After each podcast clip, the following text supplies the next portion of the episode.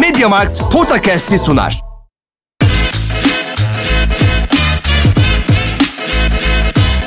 Potakast. Kaan Kural ve Orkun Çolakoğlu'yla NBA gündemine haftalık bir bakış.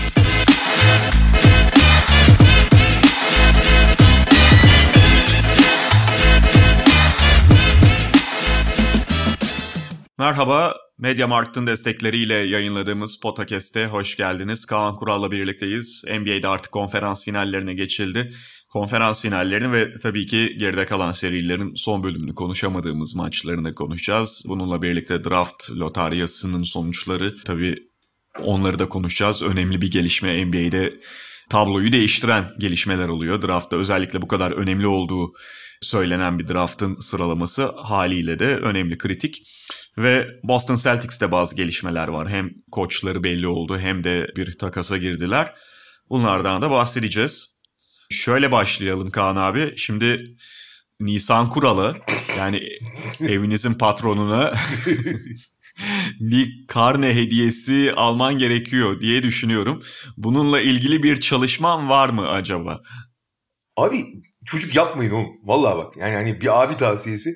Bunların hediyesi bitmiyor abi. Karne hediyesi, yok şey doğum günü hediyesi, yok bayram harçlığı, yok bilmem ne. Şimdi karne hediyesi Abi yeni telefon verdik diyorum mesela. Daha doğrusu eski telefonu Aha. verdim ya biliyorsun işte. Yok Evet. abi başka bir şey alınacak. Geçenlerde biliyorsun kulaklık aldım Mediamarkt'tan. Aha. Onu karne hediyesine saysak mı diyorum. O lazım da hani iş- okul için falan lazım diyor.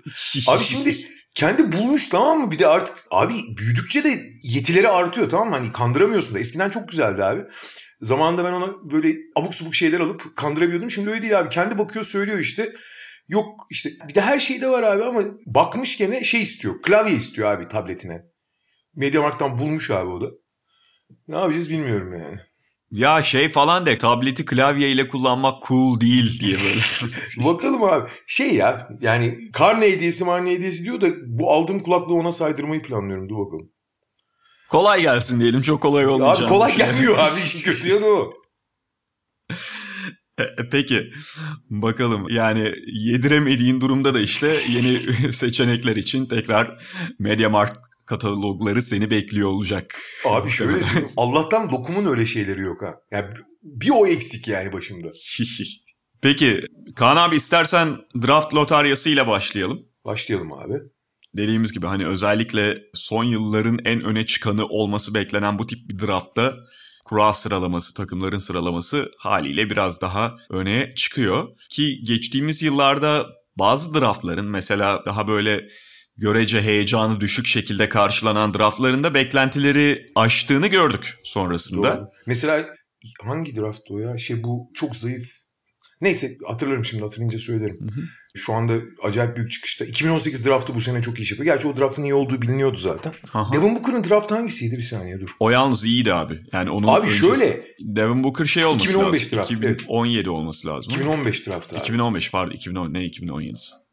Abi 2015 draft zaten iyiydi. Fakat 2015 draftın efsane bir draft olmaya doğru hızla ilerlediğini görüyoruz. Yani oyuncular geliştikçe ve NBA'de yer aldıkça. Aha. 2017 draftı mıydı? Ama 2015'in iyi olduğu belliydi zaten. Carl Anthony Towns falan vardı. Hangi draft o abi? İyi değil deniyordu da sonradan acayip iyiye gitmişti. 2016. Neyse yani olabiliyor. Bu draftta mesela iki senedir şey çok ilginç abi. Geçen seneki draftın son dönemin zayıf draftlarından biri olduğu söyleniyor. 2020 draftın. Hani derin yani çok oyuncu var ama üst düzey oyuncu çok kolay kolay çıkmayabilir deniyordu. Bu draftta da hani tepede çok üst düzey oyuncular var ama o kadar derin olmayabilir deniyordu. Fakat zamanla iş değişmeye başladı. Şimdi 2020 draftını görüyoruz abi yani bu seneki çaylakları. Evet yani e, Lamelo Ball, Anthony Edwards gibi All-Star potansiyeli belki daha da yukarı bilemiyoruz. Gelişmelerini göreceğiz. Oyuncular olduğu gibi çok geniş, gerçekten derin ama beklenenden daha güçlü bir draft olduğu söyleniyor. Ve işin ilginç yanı bu sene 2021 draftı için de hani birkaç yıldır söyleniyordu bu draftın çok güçlü olacağı. Abi zaman ilerledikçe draftın o kadar da güçlü olmadığı söylemleri gelmeye başladı. Yani başta seçilecek oyuncularla ilgili beklentiler biliyorsun 5 oyunculu bir draft deniyordu bu. Hı hı. Sonra işte 4 oyuncu veya 6 oyuncu denmeye başladı. Yani bazıları bir kişiyi ekliyor o tepedeki listeye. Bazıları bir kişi yani şeyi Kuminga'yı Kuminga'nın üzerine John Stokes muydu? Stokes'u ekleyenler var. Bazı ikisini birden çıkaranlar da var. Ama beklentileri büyük oranda yani Cunningham ve Green karşılamış durumda. Hani ondan hala beklentilerimiz ama diğer oyuncularla ilgili beklentileri yavaş yavaş biraz daha aşağı çekiyor daha yakından takip edenler. Yani evet hani sonuçta bu noktadaki algı değişebiliyor işte. Bir de bu tip oyuncuların yani bunlar sonuçta 19, 20, 21 yaşında oyuncular. İçinde bulundukları takımlar, yapılar, bağlam o çok farklı olabiliyor kolejde. Doğru. Şimdi mesela sen az önce Devin Booker ismini geçirdin abi. Devin Booker biliyorsun Kentucky'deki tek sezonunda 6. adamdı. Altıncı adam da böyle çok çok aşırı süre alan bir altıncı adam da değildi. Yani. Aynen yani o çok zengin bir Kentucky kadrosuydu. Zaten işte 5 oyuncuları falan lotarya içerisinde seçilmişti. Carl Anthony Towns bir numara falan o şey. İşte şu anda çok ismi silinmiş olan Trey Lyles o takımdandı. Diğerlerini hatırlamıyorum bile. Willie Cauley-Stein. Çok zengin bir Kentucky kadrosu içerisinde 6. adamdı mesela. Dolayısıyla bazen bu oyuncuların değerlendirilmesi kolay olmayabiliyor. İşte bazısı daha süre alıyor. Başka yani kendileri için idealden uzak durumlar içerisinde oynuyorlar. Kendi yeteneklerine, kendi özelliklerine uygun olmayan şekilde kullanılıyor olabiliyor. Onları da herkes süzemiyor. Dolayısıyla da yani Tabii ki bundan sonra gelişimler olabilir ya da beklentileri karşılayamayanlar olabilir. Ama kaba bakışla şu anda zaten sen de ifade ettin. Dört tane oyuncunun öne çıkarıldığını görüyoruz. Yani ve bu öne çıkan dört oyuncu da zaten hücum yönü daha öne çıkan oyuncular. Mesela işte biraz önce yine senin ismini geçirmiş olduğun şey Jonathan Kuminga.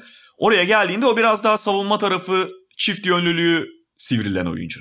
Ama onun önündeki dört oyuncu yani Cunningham'den sonrakilerin sırası tam olarak kestirilemiyor. Birbirleri arasında değişebilirler yorumları da var. Ama onların öne çıkan özellikleri daha çok hücum özellikleri. İşte Kate Cunningham, Evan Mobley, Jalen Sachs ve Jalen Green. Bu oyuncuların öyle ya da böyle yani farklı sıralarla da olsa ilk dört içerisinde seçileceklerini tahmin edebiliriz. Buradan da şeyi istersen konuşalım abi. Yani ilk dördü alan takımları. Çünkü her biri içinde ilk dörde girmek çok önemliydi. Her takım için zaten önemlileri ama yani hem Detroit için hem işte Houston Rockets için hem Cleveland Özellikle için. Houston için. Tabii yani onlar çünkü 19. sıraya kadar gerileyebilirlerdi. Oklahoma City'ye verme durumları olsaydı. Dolayısıyla bu takımlar için özellikle çok hayati bir lotarya olduğunu söylemek mümkün.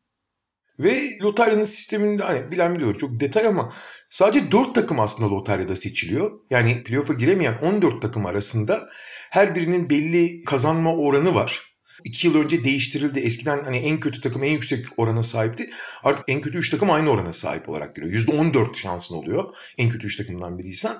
Ve sırayla seçiyorlar. 1, 2, 3 ve 4. sıralar sadece kurayla belirleniyor. Sonra kalan takımlar derecelerine göre sırayla seçiyorlar. O yüzden aslında 4 takım seçildi. Ve bu 4 takım da aslında normalde 1, 2, 5 ve 7 olması gereken takımlardı. Yani burada aslında teorik olarak en büyük şanssızlığı Orlando yaşadı. Yani en başarısız 3 takımdan biri olmasına rağmen ilk 4'ün dışında kaldı bu dörtlüye giremediği için. En şanslı takım da Toronto. En geriden en az şanslı yani %7,5 şansı vardı sadece lotaryada seçilmek için. O %7,5 şansla seçildi. Gerçi dördüncü oldu. Hani 1-2 olamadı ama o dördün arasına girdi. Draft tarihinin en ballı takımı belki de Cleveland klasik. Onlar gene 5'ten 3'e sıçradılar. Onun dışında yani 2'den 1'e çıkan Detroit var ama Houston ilk 2'de kaldığı için gayet mutludur herhalde.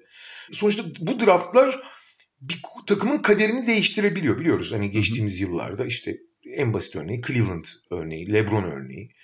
E, öyle ya da böyle New Orleans için belki Anthony Davis örneğini söyleyebilirsin. Ya NBA'in bütün dinamiklerini en çok belirleyen hatta normal yani maçların kaderini bile belirleyen işte tankingin neden yapıldığını da biliyoruz. Ve draft seçimi yapıldı. Burada Detroit ilk sırada seçecek. Hı hı. Kate Cunningham'ın seçmesine kesin gözüyle bakılıyor. Gerçi draft yaklaştık konuşuruz. Çok da hani takip ettiğimizden değil ama.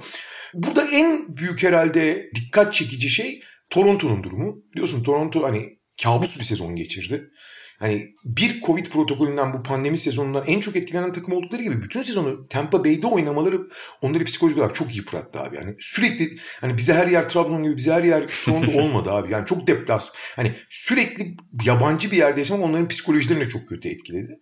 Fakat sonda gene onlar play'ine kapağı atabilecek durumdalardı. Fakat biliyorsun yani son 35 maçın 31'ini kaybettiler. Ve çoğunu da kasıtlı kaybettiler. Yani sakat olmayan oyuncuları oynatmayarak, tanking yaparak. Ve bu tankingden de ödül aldılar. Şimdi, şimdi tanking bu oyunun bir parçası ama bunun ödüllendirilmesine bayağı kıl oluyorum ben ya. Hani onun yeterince ödüllendirilmemesi lazım bu tip davranışların bence. Yani Hı-hı. ben hani adalet açısından bakıyorum. Ama şimdi ödülünü de aldılar abi. Zaten iyi bir çekirdekleri var. Fred VanVleet, Pascal Siakam, Ojan Nobi ile.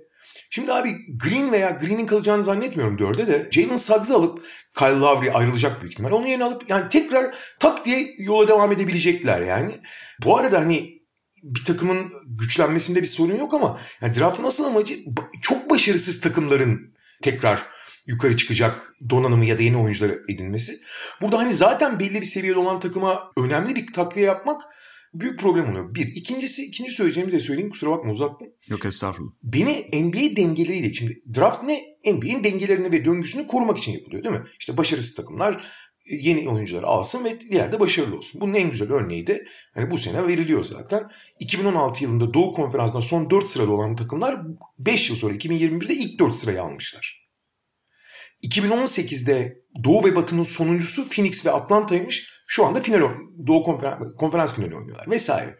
Yani bu döngü oluyor. Fakat abi Doğu ve Batı olarak ayırdığın için iki konferanstan da yedişer takım playoff'a girmediği ve lotaryaya girdiği için şöyle bir dengesizlik oluyordu. Batı Doğu'dan çok daha iyi olduğu için Batı'da playoff'a giremeyen görece işte Toronto gibi güç, yani belli bir gücü olan ama playoff'a giremeyen takımlar bu lotaryada avantajlı olup güçlenmeye devam ediyor. Doğu'nun sefil takımları çok az şey güç alabiliyordu. Mesela bu 2018 draftında abi Batı çok çok daha iyiydi biliyorsun 2018'de. Abi Hı-hı. ilk 5 sıranın 4'ünü Batı takımları seçmişti. Bu draftta neyse ki ilk 5 sıranın 4'ü Doğu takımları abi. Yani Houston hariç diğer hepsi Doğu takımı. O açıdan hani Doğu Batı dengesizliğini bir nebze biraz daha kapatacak bir draft olacak inşallah. Evet. Ben de şeyi söyleyeyim yani Detroit senelerdir etrafında yapılacak net bir oyuncu bulamayan takımlardan da. O takımlar biliyorsun çok debelenir ve hani bazı şehirlerde zaten işte Detroit onun en net örneklerinden biri. Ya biz hani biraz yakınsak eğer ki Doğu Konferansı'nda bu daha mümkün oluyor. Biraz yakınsak playoff için mücadele edelim diyorlar. O gişe gelirleri çok kendileri için önemli olduğundan. Ya Detroit'te hem kendini oraya göre ayarlamaya çalıştı hem de dediğim gibi sıfırdan yapılanacak, etrafında yapılanacak bir oyuncu hiçbir zaman 10 yıldır falan bulamadığı için debelenip durdu oralarda. O yüzden hani bir numarayı ve Kate Cunningham gibi zaten tamam bu net bir numara denilen bir oyuncunun girdiği bir draftta bu bir numarayı elde etmeleri kıymetli, değerli. Bundan sonrası onlar için farklı olabilir. Buradan da Orlando'ya atlayacağım abi. Biliyorsun ben draft günlerinde Orlando Magic konuşmayı çok severim draft dönemlerinde. Çünkü abi mesela bu Detroit'in içinde bulunduğu durum Orlando için sanki 30 yıldır devam ediyor gibi geliyor ve yine 5 abi çok komik yani hakikaten ya 5'ten seçeceğimizi 10'dan seçelim bile diye olabilirler kendi içlerinde. Tabii ki öyle değildir yani işin şakası ama sürekli yıllardır hep ya 5 ya 6'da seçiyor gibi geliyor Orlando ve çok kritik draftlar. Abiciğim bunlar 93 ve 94 ve 95 miydi 93 94 müydü? 93 94. 93 94 olması lazım. Yani şak üstü şey Penny. Abi yani o, o şanstan sonra zaten biliyorsun draft lotarya sistemini değiştirdiler bunların balı yüzünden. Aha. Ve ondan sonra yani bir 50 yıl falan mümkünse geriye düştüler. Gene geriye düştüler lotaryada. Yani 50 yıllık şanslarını o iki sene kullandılar onlar. Şeymiş abi bu arada 92 şak. 92-93 o zaman. Evet. Ve şey abi yani zaten en böyle potansiyeli, en yüksek potansiyeli ve etrafına takım kurulma ihtimali yüksek oyuncular ilk sıralarda haliyle gidiyor. Orlando'ya da yıllardır kalan çok tekrarladığımız bir şey ama daha böyle tamamlayıcı üçüncü oyuncu olma ihtimali yüksek oyuncular. Hadi her şey iyi giderse bile ikinci oyuncu olma ihtimali e, yüksek oyuncular. Aaron Gordon'lar falan oluyor. Veya büyük kumarlar. Evet evet yani ya da işte Mario Hezonya'ya zar atıyor olmuyor. Abi zarı tavlanın dışına attı. Kayboldu zar. Masanın altında. Ve işte biraz önce senin de dediğin gibi yani burada dört tane oyuncu zaten öne çıkıyor. Kate Cunningham'den sonra Evan Mobley ondan sonra işte Jalen Green, Jalen Sachs. Bunlar hani ilk dört içerisinde öyle ya da böyle sıraları belki biraz değişebilir Cunningham'den sonrakilerin ama ilk dört içerisinde gitmesi ve sekmesi beklenmeyen oyuncular. Orlando yine kalanlar arasındaki en iyiyi seçmek durumunda kalacak. Bakalım ne olacak onları. Ve işte draftta şanssız da olan onlardı. Tekrar edelim. Yani şey yaptılar çünkü. Geriye düşen onlar oldu. Yani Aha. ilk üçte seçim, üçüncü sırada en yüksek üçüncü şansa sahiplerdi ama beşinci sırada seçiyorlar. Bu arada sekizi de seçecekler onu da unutmayalım. Chicago takasından sonra Vucevic takasından gelen haklar var. Hem 5 hem 8 seçiyorlar. Bu arada ilk 4 öne çıkıyor ama ya ben dediğim gibi drafta çok yaklaştığım zaman biraz bakıyorum oyunculara. Ama güvendiğimiz isimlere baktığım zaman 9 kişi 9 tane de üst düzey potansiyelli oyuncudan bahsediliyor. 9'dan sonra biraz ikinci bir seviye düşüşü var. O yüzden Orlando açısından en azından eğer böyle çok büyük kumar oynamayacaklarsa iki tane gerçekten potansiyelli oyuncu seçebilme imkanı da var. Hani madalyonun diğer tarafında da şey değil hani dörtten sonra bir uçurum yok yani deniyor. İşte dört ya da altı deniyor bu arada. Dört de diyenler var altı da diyenler var tepedeki grup için. Dokuzdan sonra ama herkes ciddi bir seviye düştüğünü söylüyorlar oyuncuların. En azından şu ana kadarki görüntü tabii o. Ve tabii hani belki Alperen'i de konuşmak gerekiyor Alperen Şengün'de. Çünkü onun da lotarya, lotarya içerisinde seçilmesi bekleniyor. Hatta dışına çıkarsa artık sürpriz olur. Çok büyük sürpriz olur. Fakat nerede seçileceğini kestirmek çok da kolay değil.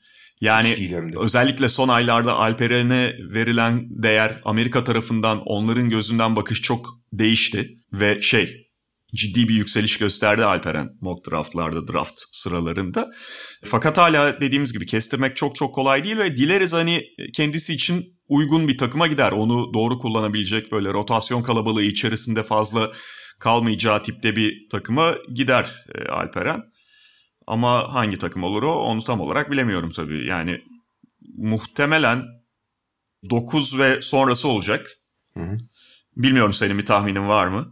Valla orada gidebileceği iyi takımlar Charlotte'la San Antonio. Indiana'ya falan giderse Hı hı. çok çok büyük talihsizlik olur yani. Yani zaten çok öyle bir tercihte bulunacaklarını zannetmiyorum. Vallahi Charlotte, Charlotte- evet ciddi bir ihtimal. Charlotte ve San Antonio'dan 11-12'den seçeceğini düşünmüyorum. 11 veya 12'den seçilecek muhtemelen Alperen. Yani Charlotte San Antonio arka arkaya seçiyor 11-12. O ikiliden sekmez gibi geliyor bana Alperen. Hı hı. Ee, ve ikisi de çok iyi olur bence. Yani Charlotte bir kere daha da iyi olur da e, San Antonio'da onun için yani Alperen için yani Alperen'in gelişimi için çok iyi olur. Kesinlikle. Peki Boston'dan da bahsedelim istersen öyle geçeriz playoff'lara. Hı hı Ee, Boston Celtics'te geride bıraktığımız günlerde önemli gelişmeler yaşandı. Birincisi Oklahoma City ile yaptıkları takas Kemba Walker'ı yolladılar. Al Horford'u geri aldılar. Ee, e, Brad Stevens'ın da yönetici olarak ilk hamlesi oldu. Yani bu belki koç Brad Stevens'ın biraz Kemba Walker'a bakışını ifade eden bir takastı bilemiyorum. Çünkü aldıkları oyuncu da Al Horford. Yani o da sıkıntılı bir kontrat. Al Horford'a artık Boston Celtics'te ihtiyaç var mı sorusunun karşılığı çok olumlu bir karşılık değil. E, oyuncunun artık yani bu yaşında yaşadığı diz sakatlıkları ya da sahada olduğunda getirdiği defekler de ortada. Bununla birlikte yani evet Kemba Walker çok fazla sakatlık yaşadı. Bunun Celtics'i muhtemelen böyle artık bıktıran bir tarafı da vardı. Ama Horford'a göre çok daha kullanabileceği ya da belki biraz daha beklese yine takas edebileceği bir oyuncuydu Kemba Walker ki yanında draft hakkı da verdiler. Yani ciddi bir draft hakkı da verdiler. Zaten Oklahoma City'yle takas yaptığın zaman otomatik değil mi o iş? Ben öyle biliyorum. E, tabii Yani Presti telefonu giriyorsun otomatikman bir draft vererek başlıyorsun Hani takasa. Presti telefonu açıyor açmasın ama 30 saniyeden fazla konuşma şartın o draft hakkını o 30 saniye içerisinde öne sürmenle bağlantılı. Doğru. Yani çok Celtics tarafından baktığımda pozitifliğinden emin olamadığım bir takas benim. Bilmiyorum sen nasıl düşünüyorsun? Valla ben biraz daha olumlu düşünüyorum. Çünkü e, işin yani tabii ki basketbol izli yani bizim dinleyicilerimizin bir kısmı daha hani derinlemesine idari tarafı falan da bakıyor ama e, çok büyük oranda basketbol tarafına bakıyoruz. Ha, biz de öyle yani. Bana ne abi idare ofisinde neyse mali tablo neyse ne bana ne ben basketbola bakarım. Şimdi basketbol tarafından bakınca aslında çok çok çok mantıksız değil. Şu açıdan mantıklı değil. Tabii ki olumsuz. Ya bir kere oyun kurucusu kalmadı takımın abi. Gardı yok yani. Hani daha ne olacak? Gard almak zorundalar. Peyton Pritchard'la mı oynayacaklar abi? Yani gardı yok. Bir tane gard almak zorundalar. Ve yani üst düzey hedeflere giden yani Boston Celtics öyle ya da böyle tekrar bir doğuda iddialı ol. Ne kadar iddialı olacağı tartışmalı ama iddialı olmak için kurulmuş bir takım. İddialı olabilecek parçalar olan bir takım. O yüzden gardsız kaldılar. Ama şu bir gerçek ki Kemba'dan tamamen ümidi kesmişlerdi bence. Yani bir, bir sene Brad Stevens beraber oynadıktan sonra artık bundan sonrası için Kemba'ya güvenerek yola çıkılamayacağına kanaat getirmişlerdi. Çünkü ya bu sene gördük abi. Kemba sezon başında hayatımda hiç iyi hissetmediğim kadar iyi hissediyorum dedi. Abi senede böyle 10 tane 15 tane falan Charlotte Kemba Walker, All-Star Kemba Walker maçı var ama 10-15 tane. Ve playoff'ta da gördük abi. iki tane mi ne iyi maçı var playoff'ta. Ve ne gün ne alacağını bilemiyorsun. Özellikle çok zor bir şey abi ne gün ne alacağını bilememen oyuncudan. Gerçekten çok zor. Geçen sezon ligin en çok blok yiyen oyuncusuydu.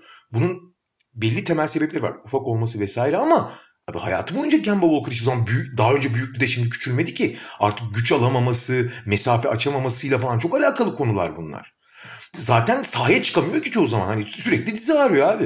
Yani şimdi bu iş yani artık ölü yatırım haline gelmiş. Al Horford şöyle bir sorun var. Abi takımın uzun süredir biliyorsun uzun ihtiyacı vardı şeyin. Boston öyle bir ihtiyacı pek kalmadı. Yani Robert Williams'ı artık oraya full time bir şekilde monte etmeyi planlıyorlar. Robert Williams'ın tabii gelişimine de çok bağlı. Robert Williams'ın yeteneklerine kimse bir şey demiyor da devamlılık sorunları ortada. E Tristan Thompson da var öyle ya da böyle. Hani idare edebilecek. Grant Williams da kısa beşlerle de oynayabiliyorlar.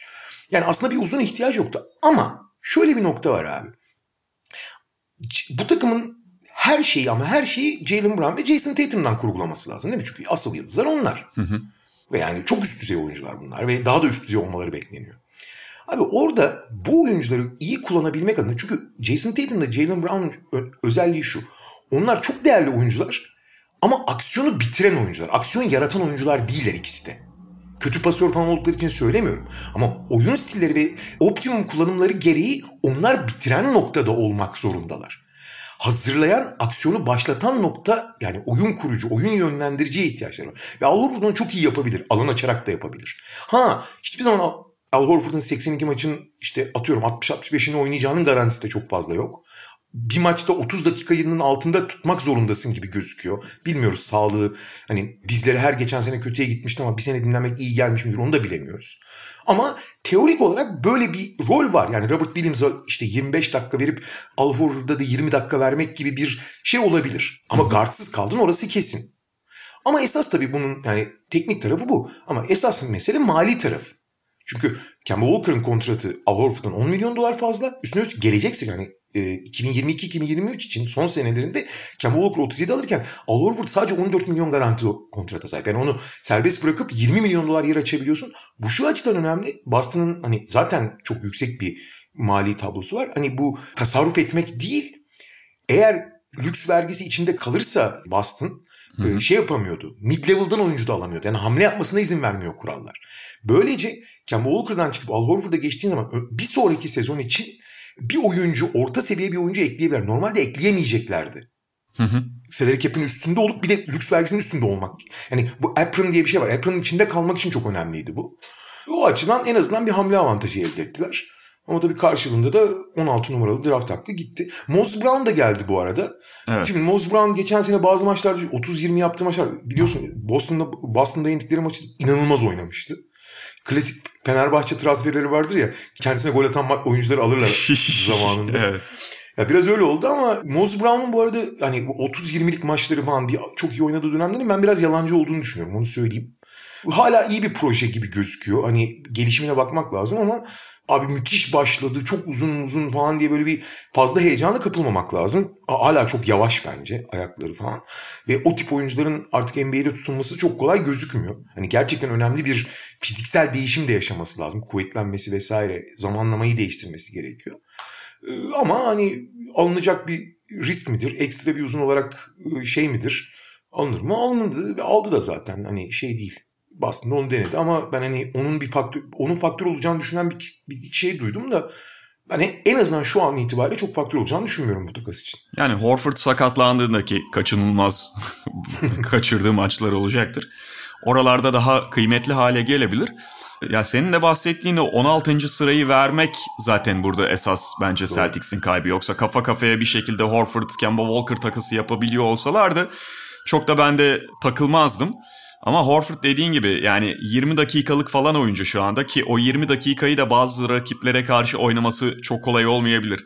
Hani 5 numarada bile sana artık belli sıkıntılar getirebilen bir oyuncu Al Horford. Her neyse ama zaten kadro darlığı ciddi problemi olan ve bir şekilde o 7. 8. oyuncu anlamında gelişmesi gereken, zenginleşmesi gereken Celtics'in 16. sırayı vermiş olması ciddi bir kayıp.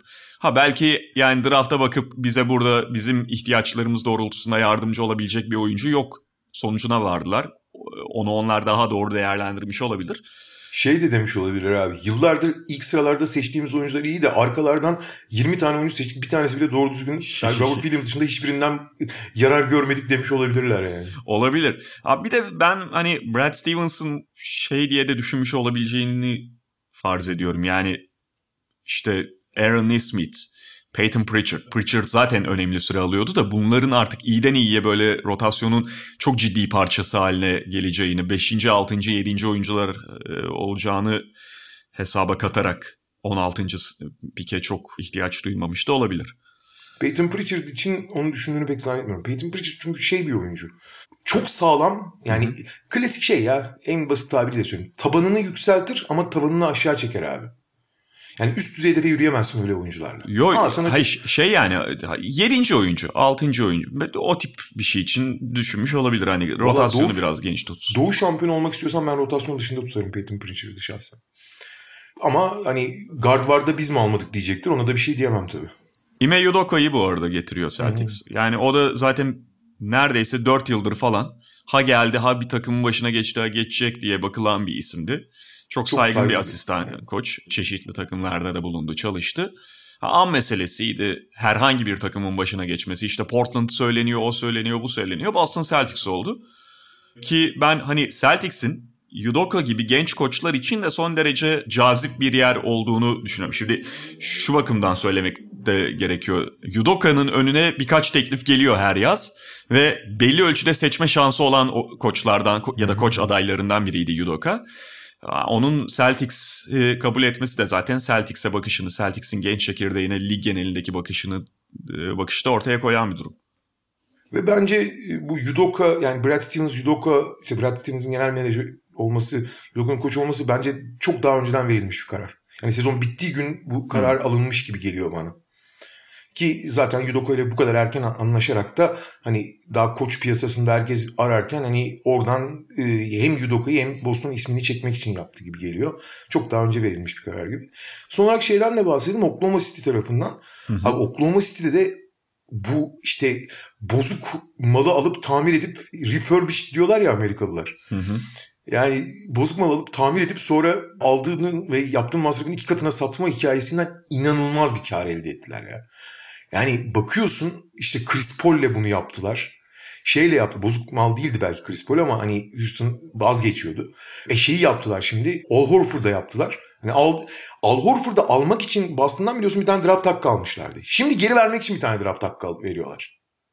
Yani Philadelphia'dan almak için pardon. Draft hakkı almışlardı Philadelphia'dan. Şimdi Boston'a vermek için bir draft hakkı daha alıyorlar. Yani Al Horford'u bir, bir sene rehabilite etmek için iki draft hakkı kazandılar. Hiçbir şey kaybetmeden hem de. Şimdi aynısını yani Chris Paul'a yaptıklarını aynısını Kemba'ya yapmaya çalışacaklar. Hani bir draft hakkı aldılar. Muhtemelen Kemba'yı biraz sağlığına kavuşturabilirlerse, biraz oynatabilirlerse e, bir draft hakkı ile birlikte gene felaket bir kontrat karşılığında üstüne bir de draft hakkı alıp birine daha yollayabilirler. Sam Presti önümüzdeki 5 yıldaki bütün draftları almayı planlıyor anladığım kadarıyla. Yalnız şöyle bir darboğaza giriyor Oklahoma. Bunu atlamayalım abi. 2027 draftına kadar yani önümüzdeki 6 draftta yanılmıyorsam 31 tane draft hakkı var şeyin Oklahoma City'nin. Bunların hı hı. 17'si ilk tur galiba 16'sı mı ilk tur? Ya 16 öyle bir şey. Yarıya yakın ilk tur ya 15 diyelim. Abi şimdi 15 tane ilk tur draft hakkı iyi bir şey değil. Yani iyi ama şöyle iyi değil. Abi 15 tane draft hakkını e, kadroya katamazsın. Ya zaten elinde Shai Gilgis Alexander, Lugens Dort, belki Theo Meledon gibi yani orta vadede de kadroda olmak tutmak isteyeceğin oyuncular vardır. Abi kadro zaten 17 kişi. Hani ikinci tur haklarını falan da düşündüğün zaman kimle hani kadroyu alamıyorsun bu oyuncuları. Ve şöyle bir şey var NBA dinamikleri gereği aslında biraz sportif dinamikler onlar. Yani iki tane orta karar oyuncu verip bir tane iyi, iyi oyuncu alınmıyor abi. Öyle bir yani öyle bir düzen yok NBA'de. Hı hı. İşte atıyorum iki tane 55 değerinde oyuncu verip bir tane 65 değerinde oyuncu alamıyorsun kolay kolay. Şöyle bir avantaj var yalnız. Draft hakları her zaman öne açık olduğu için draft haklarını birleştirip bir oyuncu alıyorsun. Önümüzdeki günlerde hı hı. yani Oklahoma City bir sürü draft hakkı da almaya çalışacak ama önümüzdeki günlerde şeyi görebiliriz. Hatta bu draftta bile görebiliriz abi. elindeki draft haklarını birleştirip mesela 16 var ya ellerinde bir de 18 var galiba. 16, 18 ve kaç 6 mı var ellerinde şu anda? 6, 16, 18. Abi mesela bu draftta bile 6, 16, 18'i verip 4'e çıkmayı deneyebilir mesela. Anlatabiliyor muyum? Önümüzdeki günlerde o çok draft haklarını draft içinde yani oyuncuyu seçerek değil draftı konsolide etmeyi deneyebilirler. Ha, İşte bütünletme atıyorum, evet. Bütünletme. Yani mesela 12, 18'i verip 7'ye çıkma falan gibi. Çünkü eminim Sempres'in hedeflediği oyuncular vardır. Şeyi öyle almıştı hatırlayacaksın James Harden'ı. Evet yani tabii o tip gözüne kestirdiği bir oyuncu var mı ya da ikna edebilecek mi diğer takımları orasını bilemeyiz ama bence de bu kadar draft fazlalığıyla çünkü bu draft hakkı fazlalığıyla artık gidebileceği bir yer yok. Yani gidebileceği yer yok derken daha doğrusu senin de söylediğin gibi hepsini birden takıma alamazsın. Hani şakasını yapıyorduk milletin çocuğuna falan altın diye takar diye ama hakikaten fazlalık abi bir yerde bütünletmesi gerekiyor. Kaldı ki senin söylediğin gibi yani Kemba Walker hatta bak Vasilya Mitsic yani bu oyunculardan da draft hakkı kazanacak muhtemelen. Tabii, tabii. Çünkü Tabii. Kemba Walker Oklahoma City'de e, o kontratı tamamlamayacağı kesin. Ve bence Kesin. buyout da olmayacak. İşe yarar Bence bir öyle. şekilde gösterecekler. Abi sonuçta Kemba Walker sağlıklı kalabildiğinde birçok takımın ihtiyacı olabilir. Özellikle playoff'ta böyle bir kademe yukarı atlamaya çalışan takımlar. Kemba Walker'ın etrafına artık takım kuramayabilirsin ama Kemba Walker'ı kenardan getirebilir ya da 3. 4. oyuncu rollerine verebilirsin. Sağlıklı olduğu müddetçe. Ve onu isteyecek takımlar olacaktır. E, Mitsic de muhtemelen çok sivrilecek bu sene. Oklahoma City'de. Yani o, onu da bir yere böyle draft hakkı karşılığında göndermesi son derece muhtemel. Daha da fazlalaşacak o şeyler, draft hakları. Peki yarım saati geride bıraktık ve artık NBA Playoff playofflarında. Atlanta Phoenix finaline doğru hızla ilerlediğimiz playofflara geçelim. Önce şeyi bir konuşalım istiyorsan ya. Hani seninle de konuşuyoruz ama. Abi şimdi sonuçta NBA'yi seviyoruz. Basketbolu seviyoruz ama hani kendi ürünümüz. Hani podcast da aslında bir NBA ürünü. Ama kimse kimseyi kandırmasın abi. Hani bence son 15 yılın en kötü sezonu yaşanıyor. Daha doğrusu kötü kötü iyi bir ifade değil. En zayıf sezonu yaşanıyor diyelim. Ben de şöyle ifade edeyim abi çok kısa. Hani bazen işte lockout sezonları için bu sezonlar istisnai sezonlar yanlarına yıldız işareti koyulması gerekiyor falan e, yorumları yapılır ya özellikle Amerika'da. Ya da mesela geçen seneki bubble için o Evet. yapıldı. Bence NBA tarihinin ABA NBA birleşmesi sonrasındaki en istisnai sezonu esas bu olabilir playoff anlamında e, bilhassa. Katılıyorum abi. Ee, NBA'in yakın, modern NBA tarihi diyeyim 80 sonrası içinde e, en personel zayıflığı olan yani oyuncu havuzunun en zayıf olduğu dönemde 2000-2005 arasıydı bence. Orada da çok kötü playoff, çok zayıf playofflar var. İşte 2002-2003'ler New Jersey'nin final oynadığı sezonlar falan. Tamam orada Lakers çok hani hep insanların aklına o müthiş Lakers takımı geliyor ama gerçekten çok zayıf. Batı konferansı gene iyiydi de e, özellikle Doğu falan faciaydı o senelerde. Ama ben bu kadar yani bu kadar zengin oyuncu havuzu olup ben NBA tarihinin en zengin oyuncu havuzuna sahip olduğunu düşünüyorum. En yetenekli, en üst düzey oyuncuların şu anda oynadığını düşünüyorum. Ama abi bu kadar zayıf bir sezon, bu kadar problemli bir sezon. Sadece sakatlıklarla da bağlan, yani sakatlıklar çok önemli tabii ki. Ama sadece onunla da bağlantı değil. İşte geçen seneden hızlı dönüş, kampın kısa sürmesi vesaire bir sürü şey derken abi çok çok zayıf sezon oluyor ya. Gerçekten çok zayıf. Mesela en basit örneği Abi ben hani NBA'de 10 tane oyuncuyu diğerlerinden ayırıyorum. Yani en üst seviye dediğim, yani birinci tier, first tier dediğim oyuncular 10 tane abi. Abi sadece bir tanesi kaldı son dörde ya. Hı hı. Sadece Yanis kaldı orada yani. Hani hepsi patır patır elendi. Değiş, sakatlandı, elendi bir şeyler oldu. E bakıyorsun abi şimdi maçlara da geçeceğiz. Abi o kadar inişli çıkışlı performanslar var ki. Şimdi tamam iniş çıkış olur da abi üst düzey takımlar. Şimdi geçtiğimiz yıllardaki üst düzey takımları düşün. LeBron takımları işte Miami'leri, Cleveland'ları, Golden State'leri. Houston işte Harden'lı Houston. Ondan önceki dönemde işte Kobe'li, Gasol'lü Lakers'lar. İşte San Antonio'lar 2010'ların başındaki. Yani sezona favori olarak giren, playoff'a favori olarak giren takımların değişimleri çok fazlaydı. Ve karşıdaki değişkenleri de bastırmayı. Favorinin anlamı budur abi. Oyunu öyle bir dikte edersin ve ne yapacağını o kadar iyi bilirsin ve öyle bir seviyede yaparsın ki oyundaki değişimler, bireysel veya takımsal değişimler maçtan maça, maç içi dinamiklerinde bazı şeyleri değiştirebilir. Ama seri dinamiklerinde o kadar değiştiremez abi. Yani oyuna hükmedersin abi. Abi burada hüküm hüküm yok. Şimdi abi bir Brooklyn Milwaukee serisine bakıyoruz. Abi yani şimdi abi yani Milwaukee hiç hak etmedi abi şeye çıkmayı Doğu finaline. Hiç hak etmedi yani. Abi 7. maç. Ha şöyle bir şey oluyor bu arada ama bunu da söyleyeyim. Bu arada bir taraftan da çok eğlenceli. Çünkü üst düzey takım sayısı daha doğrusu baskın e, hakim takım sayısı azaldığı zaman doğal olarak bir alt seviyede birbirine daha yaklaşan takımların mücadelesi daha büyük bir rekabet ve eğlence yaratıyor. Ama daha düşük seviyede yaratıyor bunu. Bu, ben bundan keyif almadığımı söylemiyorum. Bundan da keyif alıyorum ama daha düşük seviye abi bu. Ve bunun düşük seviye olduğunu bilerek bak seyretmek. NCAA gibi anlatabiliyor muyum? NCAA'de de çok, çok eğlenceli oluyor her şey. Ama daha düşük seviye abi bu. Ve özellikle hak etmeyen takımlar çıktığı zaman da rahatsız oluyorum ben yani. Hani kendimi rahatsız hissediyorum. Yani Milwaukee hiç hak etmedi abi şu oynadığı oyunla yani.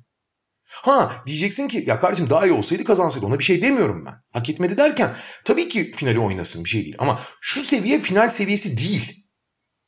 Hakikaten değil. Keza aynı şey Atlanta için de geçerli yani. Hı hı. E, son olarak şunu söyleyeyim. Şu ana kadar abi bütün playoff'u izliyorum. Phoenix hariç maç içi ve seri içi değişimleri belli bir sınırlarda kalan, belli seviyelerde kalan, ne yaptığını bilerek, birlikte oynayarak bir şampiyon karakteri ya da üst düzey takım kimliği sunan takım yok abi koca playoff'ta. Aynen ve ben de Phoenix'ten alarak şunu söyleyeyim abi. Ben birkaç seferdir bunu hem podcast'te söylemeye çalışıyorum hem işte Twitter'da ifade etmeye çalışıyorum. Phoenix Suns bence şu anda NBA'in en iyi basketbol oynayan takımı. En güçlü ya da en iyi takımı anlamında demiyorum. Hı-hı. Hani sağlıklıyken başka bir takım belki onlardan daha iyiydi, daha güçlü olabilirdi ya da bundan sonra Phoenix Suns şampiyon olur anlamında söylemiyorum bunu. Ama bence en iyi, en komplike, en organize, en üzerine çalışılmış basketbol oynayan takım Phoenix Suns. Fakat işin şöyle acı bir tarafı var abi. Yani işte bütün bu konuştuklarımızla birlikte. Phoenix Suns bu güzel basketbolla konferans finalinde 2-0'a kadar geldi. Zaten 9 maçtır üst üste playofflarda kazanıyorlar. Fakat Phoenix Suns bu 9 maçtır sağlıklı bir rakiple oynamadı. Abicim iki tane konferans finali maçı oynadı Phoenix Suns. İki takımın en iyi oyuncuları yok sahada ya. Öyle. Evet işte yani o Lakers serisinden al. Lakers serisi Anthony Davis, Kentavius Caldwell Pop gittiler. Hadi Caldwell Pop'u sayma. Anthony Davis gitti. E Denver'da zaten Jamal Murray e, Bu arada Le- LeBron da tam var diyemeyiz. Ayrı konu. Hadi onları şey yapmıyorum. Yani tek başına zaten Anthony Davis'in devre dışı kalması başlı başına bir denge değiştirici. Denver serisinde Jamal Murray yoktu. Üstüne bir de Michael Porter Jr. sakatlandı. E, Will Barton falan bak onlar detay kalıyor yani. Bu seride de Kawhi Leonard Burada da Ibaka mesela çok fazla telaffuz dahi edilmiyor. Bütün bu kalabalık içerisinde. Dediğim gibi Phoenix şahane basketbol oynuyor ve yine tam kadro rakiplere karşı da başarılı olabilirlerdi. Fakat üzücü olanı işte Phoenix Suns'ı mesela öyle bir rakibe karşı izleyemedik henüz. Bu kadar üst düzey basketbol oynayan bir takımı. Abi son 20 yılda bütün şampiyonluk hikayelerinde bir takım sakatlıklardan avantaj sağlamıştır takımlar. Fakat ligin genelinde böyle bir şey var. Yani ligin en iyi 10 oyuncusundan sadece biri son 4'e kalamaz. Mesela NBA tarihinde sadece bir kere olmuş biliyor musun? Konferans birincilerinin son 4'e kalamadığı. Hı hı. Bu ikinci. ikinci kez oluyor mesela. Artı şimdi bakalım abi. İşte Lakers örneğini söyledin sen işte. Utah abi sakat sakat oynayan Donovan Mitchell oynayamayan ve açıkçası Clippers, Clippers çok ters geliyor Utah. Hı hı. E, kanattan oynadığı için ve kısa oynadığı için uzunu yani Rudy Gobert'i devreye sokuyor. Rudy Gobert çünkü mesela DeAndre Ayton acayip domine ediyor şeyi Clippers ve Clippers ilk maçın ikinci yarısında Zubats'la başlamak zorunda kaldı. İkinci maçı da Zubats'la yani uzun mu oynamak zorunda. Beş kısayla oynayamıyorlar abi. Hı. Çünkü DeAndre Ayton bence bir kere zaten şöyle bir ödül olsaydı yani playoff'ların en çok gelişme kaydeden önce ödülü olsaydı kesin DeAndre Ayton alırdı. Hı hı. İnanılmaz bir gelişim göstermiş. Çünkü hissiyatı var abi. Topu hissedip için, topu aldığı anda bırakabiliyor. Gober'e daha bitirebileceği şekilde vermek lazım topu. Ve Kanye olmadığı için ki son maç döndü ama yani %60 falanım dedi. 6 top kaybetti. Feci oynadı zaten. Hiç oynayacak durumda değildi. Hani Harden'ın bir başka türeviydi yani. Ve o olmadığı zaman sadece ve sadece Ingles'la oynayabiliyorlar onu ama Ingles da penetre edemediği için hiç Clippers'a zorluk çıkaramadılar orada. Ve Clippers'ın istediği gibi oynandı oyun.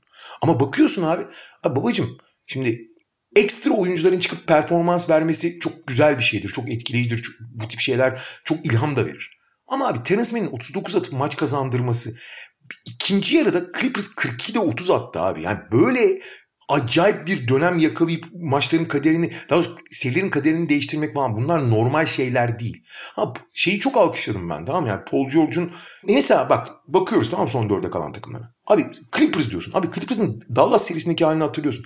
İlk maçtaki halini hatırlıyor musun Utah serisindeki? 17'de evet, 4'dan evet. dökülen Paul George.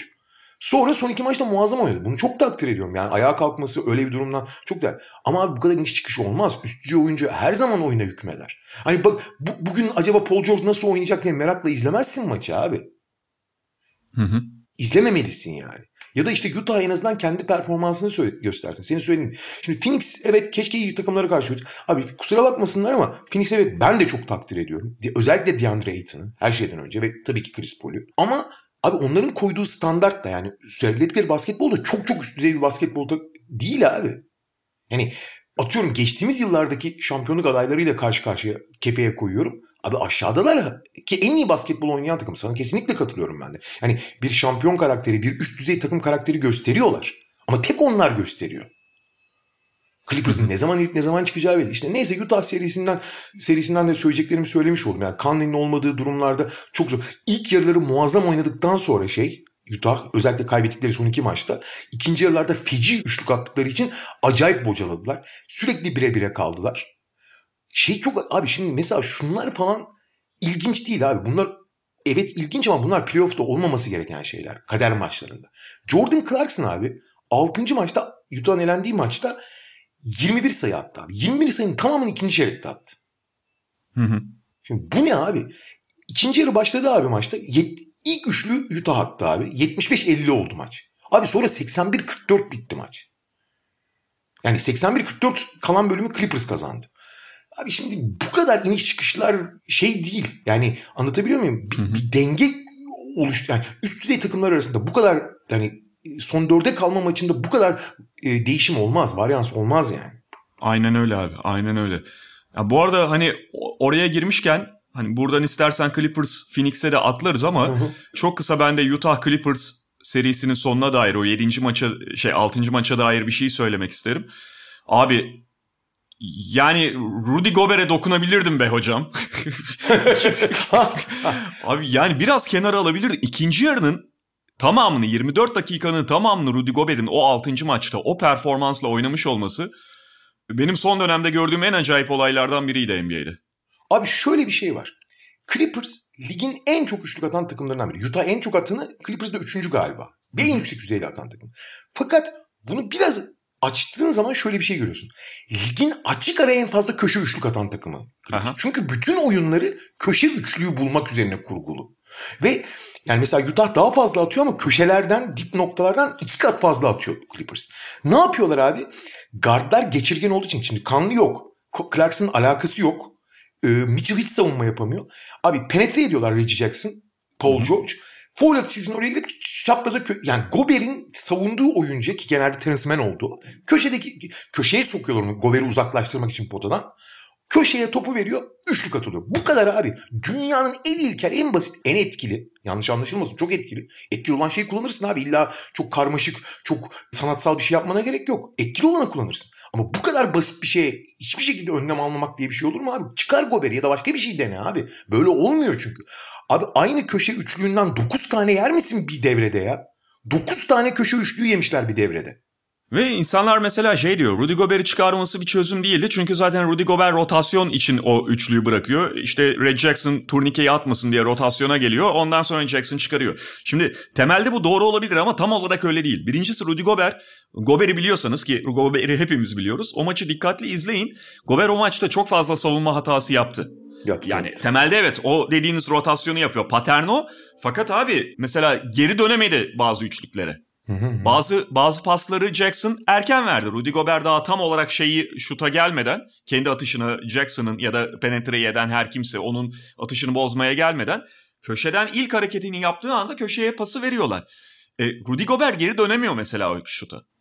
Ve hani evet Clippers biraz ekstra bir günündeydi işte Terence Mann 39 atmış öbür Jackson deli gibi oynuyor vesaire. Fakat Rudy Gobert'in orada bir hırpalandığı ve Clippers tarafından artık üzerine oynanan oyuncu haline geldiği ortada. İkincisi şöyle bir durum var. Abi sen 26 sayı öne geçmişsin. Yani ve 3. periyotta 26 sayı. Şimdi 3. 25 değil mi ya 25? 25 ya da 20. Ben 26 diye hatırlıyorum abi. 26 zaten, Philadelphia abi. 26 Philadelphia. E, zaten çok da fark etmez abi. Hani 25'ten 26'dan şey işte artık tamam 3. periyottan itibaren sadece skoru korumaya oynayamazsın ama sen artık zaten e, çok büyük avantajı elde etmiş olan tarafsın. Ve orada rakip bir şeyi değiştiriyorsa, bir kıvılcım yakalıyorsa hemen onu kesmeye yönelik bir hamle yapacaksın. Bu gerekirse en iyi oyuncunun oyundan çıkarmak da dahil buna.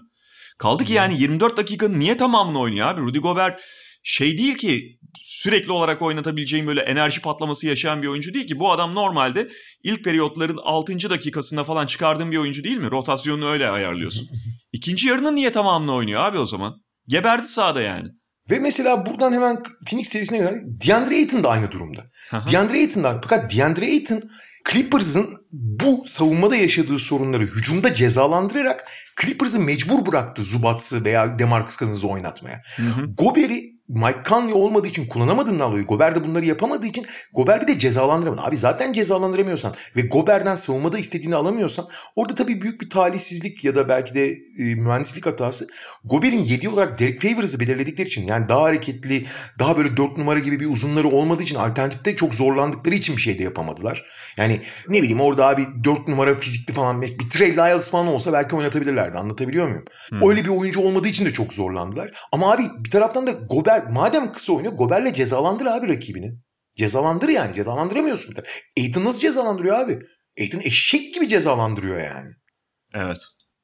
E cezalandırdığı için de ne oldu abi? İlk maçın ikinci yarısı ve ikinci maçın tamamında uzunla oynamak zorunda kalır. Abi ikinci yarı, ikinci maç Zubat 34 dakika, Demarcus 4 dakika sağda kaldı. Sadece maçın sonunda 5 kısaya dönebildi. Maçın son bölümünde. Son zaten orada da büyük kriz oldu. Yani gitti geldi maç bir şekilde kanan.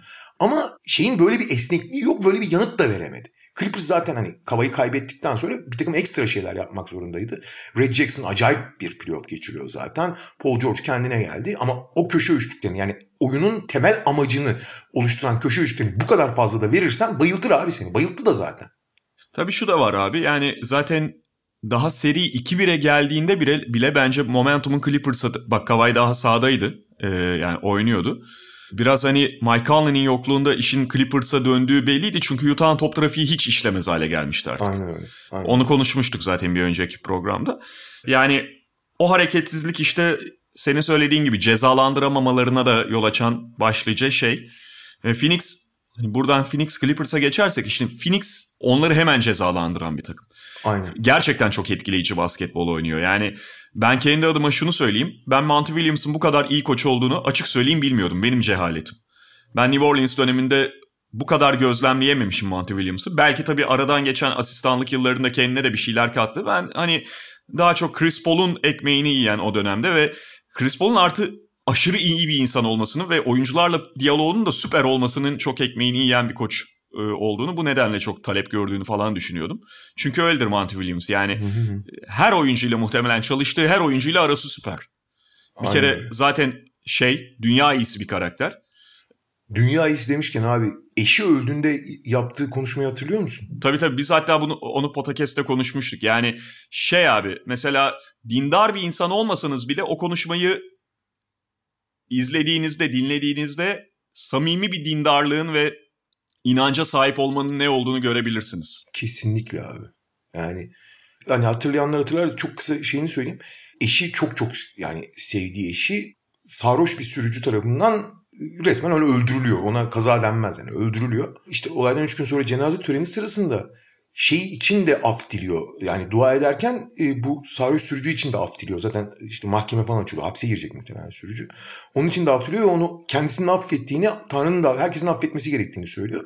Millet şaşırıyor ama o da bunu yapmak istemezdi kesinlikle. Onun da ne kadar şey e, zor durumda kaldığını unutmayalım falan diyor. Yani bu abi yani hani iyiliğin de bir tamam çok, çok, çok insanın içine dokunuyor. Abi iyiliğin de bir sınırı yok mu falan diyorsun. Yani o kadar acılıyken öyle konuşabilmeyi ben inanamamıştım yani. Tabii şey dedi yani o aile de o sabah ha. benim eşime zarar vermek için bize e, zarar vermek için uyanmadı. Yani burada etkilenen iki aile var diyor hatta şey. Onu, onu unutmayalım. Orada yas içerisinde olan bir aile var, daha var şu anda e, diyor. Ve şey mesela yani başka birçok oyuncu onu söyler. İşte mesela bu en son Cameron Payne'in çıkışı üzerine Cameron Payne'le kurduğu ilişki çok ifade ediliyor. Bir de mesela Ryan Anderson'ın eşi intihar, eşi değildi galiba nişanlısıydı intihar Nişanlısı. etmişti. Mesela o dönemde de o gün ilk yanına koşan ve her şeyi idare et, etmeye çalışan diyelim. insan da Monty Williams. Yanılmıyorsam Ryan Anderson evdeyken intihar etmişti bir de değil mi? Şey yok abi tam olarak öyle değilmiş. Ben hatta dün bir daha şey onu gördüm. Bir baktım falan. O sayede biraz hatırladım. Ryan Anderson'la hatta son bir tartışmaları olmuş falan böyle. Ondan sonra kıza ulaşamıyorlar işte. Kızın annesi Ryan Anderson'ı galiba arıyor hani böyle böyle falan diye. Anderson beraber yaşadıkları eve gittiğinde işte Hah, doğru. e, ölü görüyor falan. İlk gelen de Monty Williams oluyor yanlış hatırlamıyorsam. Doğru. Ryan Anderson aynı ev değildi ama Ryan Anderson buluyordu doğru. Evet. Ya şöyle şimdi tabii takımın da çok uyum sağlaması lazım koça. Yani Tabii. e, şimdi taktik olarak Williams'ın daha geçmişinde buna benzer izleri biz de görmemiştik. Ama şimdi mesela bakıyorsun abi. Abi şu çok önemli. Ben şeyde söylemiştim. Phoenix bir önceki turda Denver'ı yenerken bir pozisyon var. Ben acayip ilgimi çekmişti. Bir top çalınıyor. Ee, sol taraftan Cameron Payne gidiyor. Devin Booker diğer kanatta yani Payne verdiği zaman Booker'a direkt smaç yapacak. Payne vermiyor topu. Sonra kontrolü kaybediyor. Bir tane savunmacı var. Kim vardı hatırlamıyorum. Ve basket olmuyor. Abi yere düşüyor Payne. Abi Booker depar atarak gelip Payne'i kaldırıp savunmaya hadi savunmaya diyor.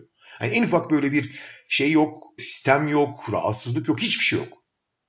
Ve yani bir tanesi takımın bir numaralı skoreri ve yani doğal olarak skorer egosuna sahip olması gerekiyor. Yok abi öyle bir şey. Hani bu, bu, bu, bu acayip bir uyum yani. Şimdi bakıyorsun abi ilk yer, yani ilk maçın ilk yarısı herkes performans veriyor. Öne çıkmıyor. İkinci yarı oyun sıkışıyor.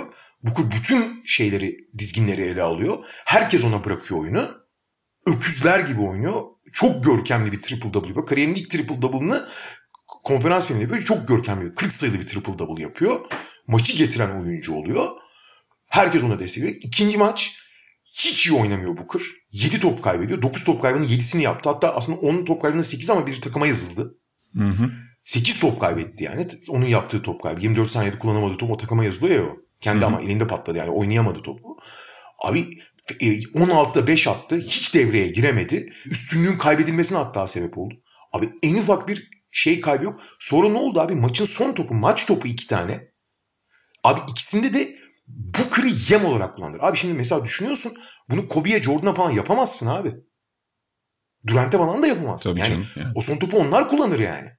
Abi Booker birinde geldi perde alacak gibi yapıp perdeyi slip etti.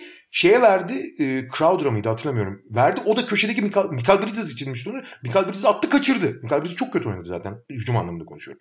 Daha sonra tekrar bir fırsat geldi. Paul George 2'de 0 foul attı. Onun da büyük talihsizliği. Hani e, harika oynarken bu seriyi ilk, ilk maçı da muhteşem. Bu arada ilk maçın 3. çeyreğini muhteşem oynadı Paul George. Muhteşem yani. Orada getirdi maçı zaten ama yetişemediler. Bu maçı da Yunanistan 2'de 0 foul attı. Sonra tekrar geldi. Yine yem olarak kullandılar Booker'ı son topta. Booker perde yapan oyuncu oldu ve DeAndre Ayton'la acayip bir game winner smaç yaptılar nokta 9 saniye kala. Hı hı. Ve orada abi şey falan da çok acayip. Ya bazı şeyler denk gelince denk geliyor. Abi Jay Crowder öyle üst düzey falan pasör değildi. Jay Crowder Chris Paul'un görse saygı duyacağı bir pas verdi. İnanılmaz milimetrik bir pas o. Ya, evet. Ya, inan Jay Crowder'ın kariyer pası yani. Ki Jay Crowder'dan hani biliyoruz hani öyle tamam kötü değildir ama iyi bir pasör yani üst düzey pasör falan değildir yani. Ya koordinat yazdı ya topun üstü şeydi. Aiton'a e, göre ayarladı resmen. Bak Jay Crowder'la Michael Bridges iki kanat oyuncusu onda 2 ile 7 sayı atıyor. Devin Booker 16'da 5 atıyor. Abi Cameron Payne ve DeAndre Ayton maçı kurtarıyor. Cameron Payne maçın genelinde Abi şey çok önemli bak. Dennis Schroeder için söyledik ya. şu Günümüz basketbolunda her şey switch yani çok fazla switch yapıldığı için delmek her şeyden artık her şeyden daha. Cameron Payne'in deliciliğiyle ne kadar verimli. Ve o, o deli Cameron Payne'in ne kadar kontrollü oynayabildiğini görüyorsun. Ben inanamıyorum abi. Hı hı. Hakikaten inanamıyorum ya.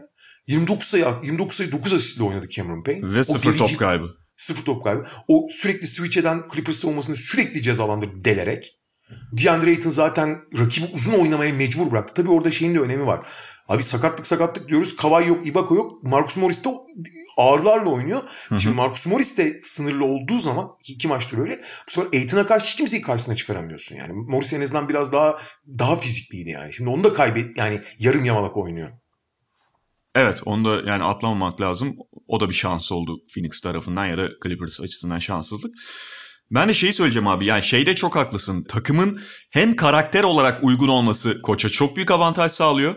Yani dediğin gibi bunu Kobe'ye işte Lebron'a o tip oyunculara yaptıramayacağın şeyleri decoy olarak şeyi kullanıyorsun. Devin Booker'ı bir yem olarak kullanıyorsun e, belli bir sette. Ve oyuncu buna en ufak bir şey söylemiyor. Pekala diyor yapıyor. Kendi rolünü herkes oynuyor. Diğer oyuncular zaten öyle. E Chris Paul zaten komutan. O herkes tarafından kabul ediliyor ve şey koçun da işini kolaylaştıran bir figür aynı zamanda. Teknik olarak da bu zaten bir koçun işini çok kolaylaştıran tipte bir takım.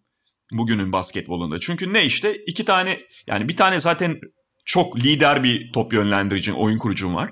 Bir tane skorer artı top yönlendiricin var ve bugünün basketbolunda oynanan e, alanlarda skorunu üretebiliyor. Yani dış şut atabiliyor, orta mesafe atabiliyor, potaya gidebiliyor. Çok yönlü zaten oyunu çok gelişmiş durumda. Atlet ve devrilebilen, aynı zamanda belli ölçüde orta mesafede atabilen ve savunmada da tek bir şeyi yapmak zorunda kalmayan bir uzunum var. Ve kanatlarında şutör kanatlar. Dolayısıyla sahayı açıyorsun ama dikey bir tehdidin de var. Her şeyi yaptırabiliyorsun. Bu evet bir koçun işini çok kolaylaştırıyor. E, fakat bununla birlikte abi yani Phoenix Suns gerçekten çok çok az hücumunu kalitesiz atışla bitiriyor. Ya da böyle oyun sıkıştığı için yapılan top kayıplarıyla falan. Yani bitiricilik sonuçta belli bir noktada senin kontrolünden çıkıyor. Şutlar girmeyebilir. Zaman zaman kötü tercihler de olabilir. Fakat abi sürekli bir aksiyon var hücumda. Sürekli o doğru atış için top trafiği var. O da oyunlarına yansıyor zaten. Sürekli derken devamlılık abi işte. May- Geçen sene Bubble'daki Miami gibi. Hiç oyunun sıkıştığını ve şimdi ne yapsak dediklerini hissetmiyorsun abi Phoenix'in. Evet, evet. Ee, o da işte koça yazılması gereken bir durum. Doğru, yani doğru. Cameron Bay, Cameron Payne'in gelişimi inanılmaz bir gelişim ve tabii tabii ki oyuncuya çok bir şey yaz, e, çok şey e, kredi verilmesi gerekiyor. Ama abi yani bu Cameron Payne de gelip 29 sayı 9 asist yapıp 0 top kaybıyla 37 dakikada çık- maçtan çıkıyorsa orada iyi dizayn edilmiş bir hücumda vardır zaten. Var var. Yani onun o deliciliğini nerede kullanacağı, hangi kanalda kullanacağını geliş güzel yapmıyorlar orası kesin. Evet.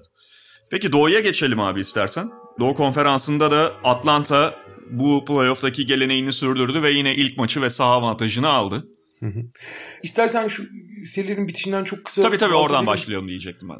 Valla e, Milwaukee ile ilgili hayal kırıklıklarımı biraz önce söylemiştim ama sonuçta şunun da hakkını teslim edelim. Milwaukee serinin son 3 maçında en azından doğruları tekrar hatırlayıp bir şekilde onlara sarılabildi. Yani Yanis'in daha fazla fiziğini kullanarak oynamaya çalıştığını, işte e, oyunu hep fiziksel ve sertleştirmeye çalıştıklarını, savunma ağırlıklı oynamaya çalıştıklarını gördük. Evet çok bölük pörçük oynadılar. Hücumda çok plansız oldukları dönemler vardı. Ama en azından far görmüş tavşan gibi dağılmadılar. Yani hani ne yapacaklarını bilerek oynar. Bence e, dediğim gibi hiç hak etmediler. Zaten Kevin Durant'ın ayakları 58 değil 56 numara olsaydı şu anda Doğu finalinde Brooklyn vardı. evet. Yani Derek Fisher üçlüyü attı. e, Durant yani ayakları yani gerçekten biliyor, biliyorsun onun ayakları çok acayiptir. Yani anatomik Hı hı. olarak zaten çok uzun bir oyuncu için ayakları büyük ama anatomik olarak da olması gerekenden bir 5 santim uzun. Acayip bir ayağı var adamın. Tabii bir resim var hatta tam maçtan sonra Twitter'da dolandı. Ee, Hank Chris Haynes'le mi bir muhabirle röportaj yaparken bir antrenmandan sonra O biraz ayaklarını ama- uzatmış, ayakkabılarını çıkarmış. Ya o biraz şey perspektiften dolayı normalden de uzun gözüküyor ama gerçekten çok uzun ayakları var Hı hı. yani. Ee, parmak uçları çizgiye bastığı için maçı kazandıran basket uzatmaya götüren basket oldu. Bir de abi şimdi 7. maç diyorsun. Abi 7. maçların kalitesiz olmasına alışkınız da. Abicim uzatma 4-2 bitti ya. 53 dakika mı oynamış Durant normal sürenin sonunda basket attı. Uzatmanın sonunda attı top çembere değmedi. Yürüyemiyordu artık çünkü. Tabii yani o e, hani e, Brooklyn ilk basketten sonra bulamadı zaten. Milwaukee'de 3 ilk 3,5 dakikasında uzatmanın hiç sayı atamamıştı. 4-2 abi. Yani iki, aslında iki baskette bir basket bitti yani uzatma. Aynen. Ee, bu arada Yanis mesela Ben Simmons'ın yapamadığını yapıp e, bütün sorunlarına rağmen o foul çizgisine gitme korkularını aşıp ne olursa olsun oynayacağım dedi abi. Hep çok fiziğini kullanarak oynamaya çalıştı. Gene hani ideal oynamadı. Çok daha fazla yapması lazım ayrı konu ama e, Ben Simmons gibi sağdan kaçmadı en azından.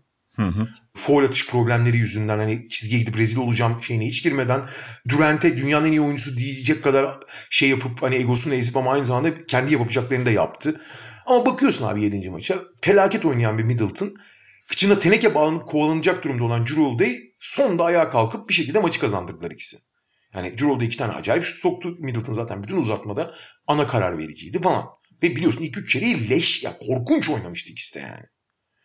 Ve buradan bir şekilde işte PJ Tucker'ın çabasıyla şununla bunu ite kaka geldiler. Ama diğer tarafta da bakıyorsun abi.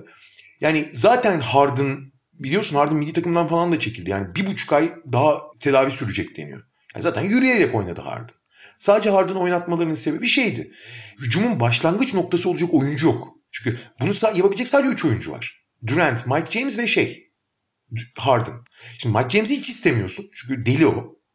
E, Durant'i ilk pası veren değil ilk pası alan oyuncu olarak kullanmak istiyorsun. Mecburen oynatıyorsun Harden'ı abi. Son iki maç 48 dakika, yani 45 dakika ortalama oynadı. Mecburen. Ama ne verdiydi ortada veremediği daha doğrusu. F- fakat hani Kyrie yok. Harden yok neredeyse. Abi Joe Harris nereye gitti ya? Hani zaten Joe Harris nereye gitti abi? O hani normal sezonda deli gibi sokan Boston serisini paramparça eden Clay Thompson gibi oynayan Joe Harris. Evet şimdi tabii diğer yıldızlar olmadığı zaman Harris'in işi biraz zorlaşıyor ama abi kaç tane boş şut kaçırdı ya? Normal sürenin sonunda bir tane kaçırdığı bomboş şut var. Birkaç tane var da o bomboş abi maçın kaderi artık. Ya onu sok bari abi. Yani ligin en iyi boş şey sabit şütörlerinden birisin. Acayip şey olmayacak formsuzluğu bu dönemde yaşadı yani. Yani ligin en iyi şutörlerinin bile o ritimsizlikle nasıl devre dışı kalabildiğinin bir örneği oldu hakikaten. Ee, bunu herkesten beklemezsin ve acayip bir durum evet. Ama böyle bir ihtimal de var onu hatırlattı. Diğer taraf şey söyleyeceğin... Yok ben de Atlanta Philadelphia'nın hani sonuna onu... geçelim diyecektim. Ee, bir Ben Simmons krizi yine. Yani şu çok acı bir durum abi. Ben de onunla başlayayım. Hani te, maçı başından sonuna tek tek değerlendirmeyelim ama maç sonunda şöyle bir durum olmuştu. Şimdi herkes işte Ben Simmons'ın o yapmadığı smacı konuşuyor ya. E, Embiid bile tabii Embiid bir kırılma anı olarak zaten gösterdi. Yani daha açık ne söyleyebilirsin? Ya bu herifle olmuyor dedi resmen. Abi bu yani maçı bu yüzden kaybettik dedi. Daha ne diyeceğim Aynen ben? ama ve yani bence bir de o başlı başına problemli bir pozisyon. Bununla birlikte şöyle bir şey vardı ha maç. Şimdi zaten o 7. maçtan sonra sürekli sosyal medyada falan da ortaya koyulan ve artık herkesin gördüğü 7 maçın toplamındaki 4. periyot atış istatistiği var ya. Toplamda of. 4 tane atış. Ve ilk, 4'te 4. iki tanesi ilk maç. Evet iki tanesi e, ilk maç. 4'te 4 toplam %100 ile oynuyor. 7 maçta toplam 4 atış kullanmış Ben Simmons. Yani bizim de hep dillendirdiğimiz o oyun şey, çekingenliğine, oyundan kaçışına, toptan kaçışına bundan zaten daha somut bir örnek olamaz. Şimdi Simmons şeyde böyle, hücumda böyle. O smaç yapmadığı ve Taybul'a topu bıraktığı pozisyonda bunun en poster anı oldu. E, savunmada da abi şey maçın son 2 dakikasına kadar Trey Young'ın üstüne vermedi çok fazla şeye verdi. Galinari'ye verdi. Onun da bir mantığı var. Çünkü Danilo, Danilo Galinari'nin bir mismatch yakalamasını istemiyordu. Galinari oradan zarar vermişti Philadelphia'ya. Mismatch yakalamasın diye Galinari'nin üstüne verdi. Ya evet bunun anlaşılır bir tarafı var da abi şöyle bir durum ortaya çıkıyor. Hücumda zaten toptan kaçıyor. Şutu da olmayan bir oyuncu. Yani hücumda temelde bir şeye yaramıyor. Savunmada da güya en önemli dış savunmacın olarak anılan oyuncu saldırı noktasını savunmuyor. E peki abi niye sağda bu adam o zaman? Niye sağda abi? Altıncı maçı kazanırken ne olmuştu hatırlıyorsun değil mi? Ben Simmons foul problemine girmişti. Aha. Ben Simmons'sız oynadıkları 6. maçı deplasmanda kazanarak 7. maçı götürdüler seriyi. Yani bu çok sağlıksız bir durum abi ki zaten hani sonunda favori oldukları işte önüne geçmiş oldukları falan bir seriyi kaybettiler. 7. maçı evde oynadıkları bir seriyi kaybettiler. Ama hani tek bir oyuncu üstünden de bütün her şeyi okumak yanlış da olabilir ama sonuçta en büyük problemin bu olduğu. Ben her şeyin de Ben Simmons birçok şeyin de Ben Simmons üzerinden doğduğu açık. Abi zaten Ben Simmons'ın yarattığı geometri sorununu ediyoruz ama bir de böyle korkarak oynadığı zaman sen dedin ya hücumda hiçbir şey vermiyor. Abi hücumda eksi yazıyor. Bırak bir şey vermemeye eksi yazıyor yani. Doğru evet. Şimdi e, buraya kadar tamam ama abi bu arada faturanın yani esas faturayı ona vereceksin. Ama diğer faturaların ödenmesi de gerekiyor abi. Bir maalesef ve maalesef bu biraz Ben Simmons kaynaklı. Biraz faturanın bence diğer payının Doug Rivers'a çıkması lazım ona kaynaklı. Ama önce küçük faturadan başlayayım. Abi NBA'de de bir fatura kesmek lazım. Çünkü evet büyük bir özveriyle oynadı. Yani o menüsküsürtlü oynamayabilirdi. Hani hiçbir şey söylemiyorum NBA'de. O açıdan. Fakat abi bu sezon hiç yapmadığı gibi bu eski alışkanlıklarına, eski şımarıklıklarına, eski dağınıklıklarına çok döndü son 3 maçta. Abi iki, son maçın ikisinde 8'er top kaybetti ya. Ve çoğu e, şeylikten yani e, kafasının tam oyunda olmamasıyla alakalı. Abi en azından tamam elinden geleni yapıyorsun. Büyük bir özveri yapıyorsun ama abi oyunu da bu sene yaptığın, bütün sezon yaptığın gibi doğru oyna. Şimdi o bir dursun. Abi ondan sonra Duck Rivers'a abi abi Budenholzer'a çok laf ediyoruz da bazı açılardan. Abi Duck Rivers'ın da alakası yani bu kadar mı olmayan du- duaya 7, 70 kere amin denir mi abi? Şimdi playoff'un ilk gününden beri sırf bu turda değil ilk turda da aynı şey geçerli. Dwight Howard feci durumda tamam mı? Aha. Çok kötü durumda. Ve özellikle drop coverage denen yani e, gömülerek yapılan uzunun pota altında kalarak yapılan savunmalarda Trey Young'ın orta mesafeden paramparça ettiğini biliyorsun. Bu Joel Embiid olsa da çok zorlanıyorlar bunu savunmayı. Bu e, işte çipli screenlerin arkasından falan. Young perişan ediyor orayı. Hı hı. Abi şimdi Joel Embiid'i bile. Abi Dwight Howard'ı da kullanma. Zaten Dwight Howard çok kötü durumda. Hiçbir işe yaramadığı gibi bunu da savunamıyor. Abi orada Ben Simmons zaten Ben Simmons da bir işe yaramıyor. Ben Simmons'ı 5 numara olarak niye kullanmıyorsun abi? Basın toplantılarında konuşuluyor. Her yerde konuşuluyor. Niye denemiyorsun bunu? Ya da niye, hadi 5 numara kullanmıyorsun. Niye kısa 5'e dönmüyorsun? Yani. Dwight Howard'ın olduğu her dakika ve Dwight Howard'la Matisse Taybul aynı anda sahaya Dwight Howard, Matisse Taybul, Ben Simmons aynı anda sahada olduğu beşler var abi. Zaten spacing problemi var. Bu beşler sürekli perişan oluyorlar. Niye abi niye? Dwight Howard oynamak zorunda değilsin. Niye bu şut problem? Zaten şut problemli takıma şutör olmayan bütün oyuncuları niye bir arada kullanıyorsun abi? Geçelim hocam. İdeal fırsat var. İdeal fırsat vardı Ben Simmons'ı 5 numara oynatmak. Kesinlikle, kesinlikle. Kullanmadı. Neyse uzattık iyice şu finalden de biraz bahsedelim. Atlanta Milwaukee'den Şey, ilk maçta. Budenholzer hocam Philadelphia'nın savunmasını çok başarılı bulup ilk bölümde aynı şeyden devam etmek istedi Trey Young'a karşı. Abi bu arada bu maçın ilk yarısı ben işte dün maçtaydım. Aha. Abi bu maçın ilk yarısı hakikaten faciaydı ya. Yani normal sezonda böyle maç olmaz. Milwaukee yürüye yürüye pota altından basket atıyor. Hiçbir direnç yok. 42 sayı attılar abi ilk yarıda boyalı alandan. Atlanta'da da Trey Young orta mesafeden nasıl floater atılır, nasıl tek perdeyle paramparça edilir savunmanın şey eğitim kasetini doldurdu. Evet, Yani çünkü Brook Lopez'i sağda tutuyorsun. Brook Lopez'i pota altına çeviriyorsun. İlk perdeyi alıyor Trey Young. Aa floater üstüne floater atıyor. Aliyup pası üstüne aliyup pası. Floater üstüne floater. Aliyup pası üzerine aliyup pası. Abi ne oluyor ya? Şey olur abi yani 7. maça giden serilerden sonra o 7. maçı oynayan takımların bir sonraki serinin ilk maçında biraz böyle bir sersemlik hali zaman zaman hissedilir ki bu takımların ikisi de 7 maça gitti. E, Her ne kadar arada bir boşluk olsa da iki günlük bir boşlukları vardı. Yani tam olarak bu seriye henüz adapte olamamış gözüktüler ama dediğin gibi çok normal sezon e, görüntüsünde bir ilk yarıdaydı. İkinci yarıda hemen Atlanta değiştirdi ve e, Brooklyn sistemine yani boyalı alanı kalabalık tutalım abi. Nitelikten nitelik olarak savunamıyoruz, nicelik olarak savunalım.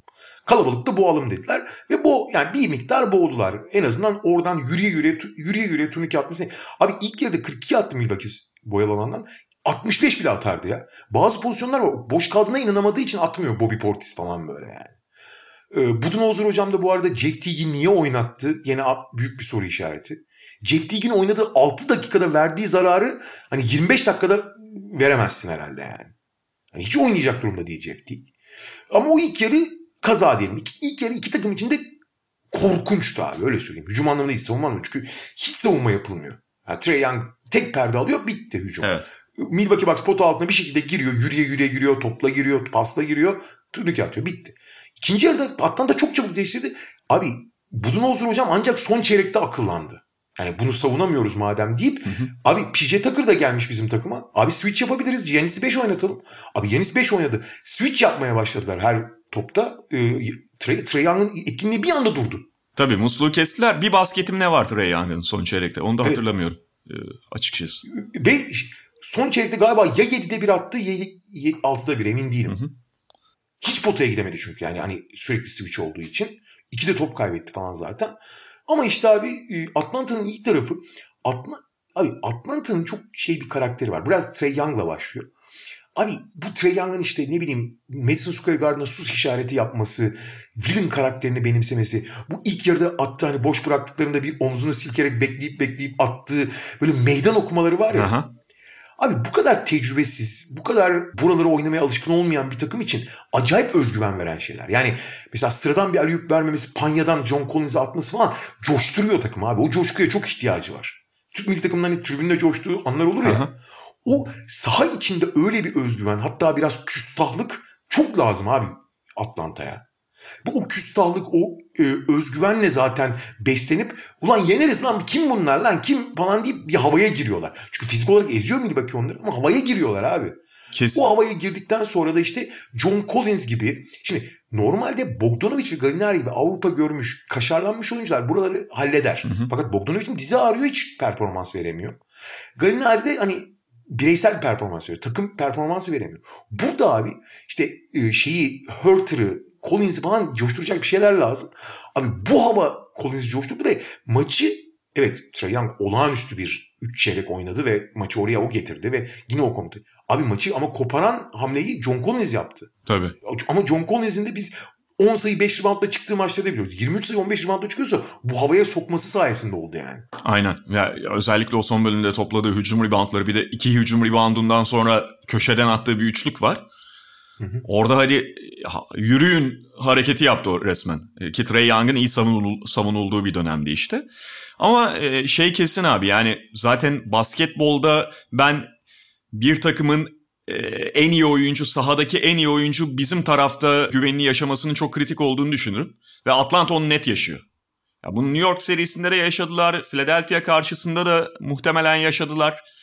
Her ne kadar karşıda Embiid olsa da burada da Trae Young böyle oynadığında abi maçın sonunu bir getirelim zaten Trae Young orayı alır güveniyle ve motivasyonuyla oynuyor Atlanta.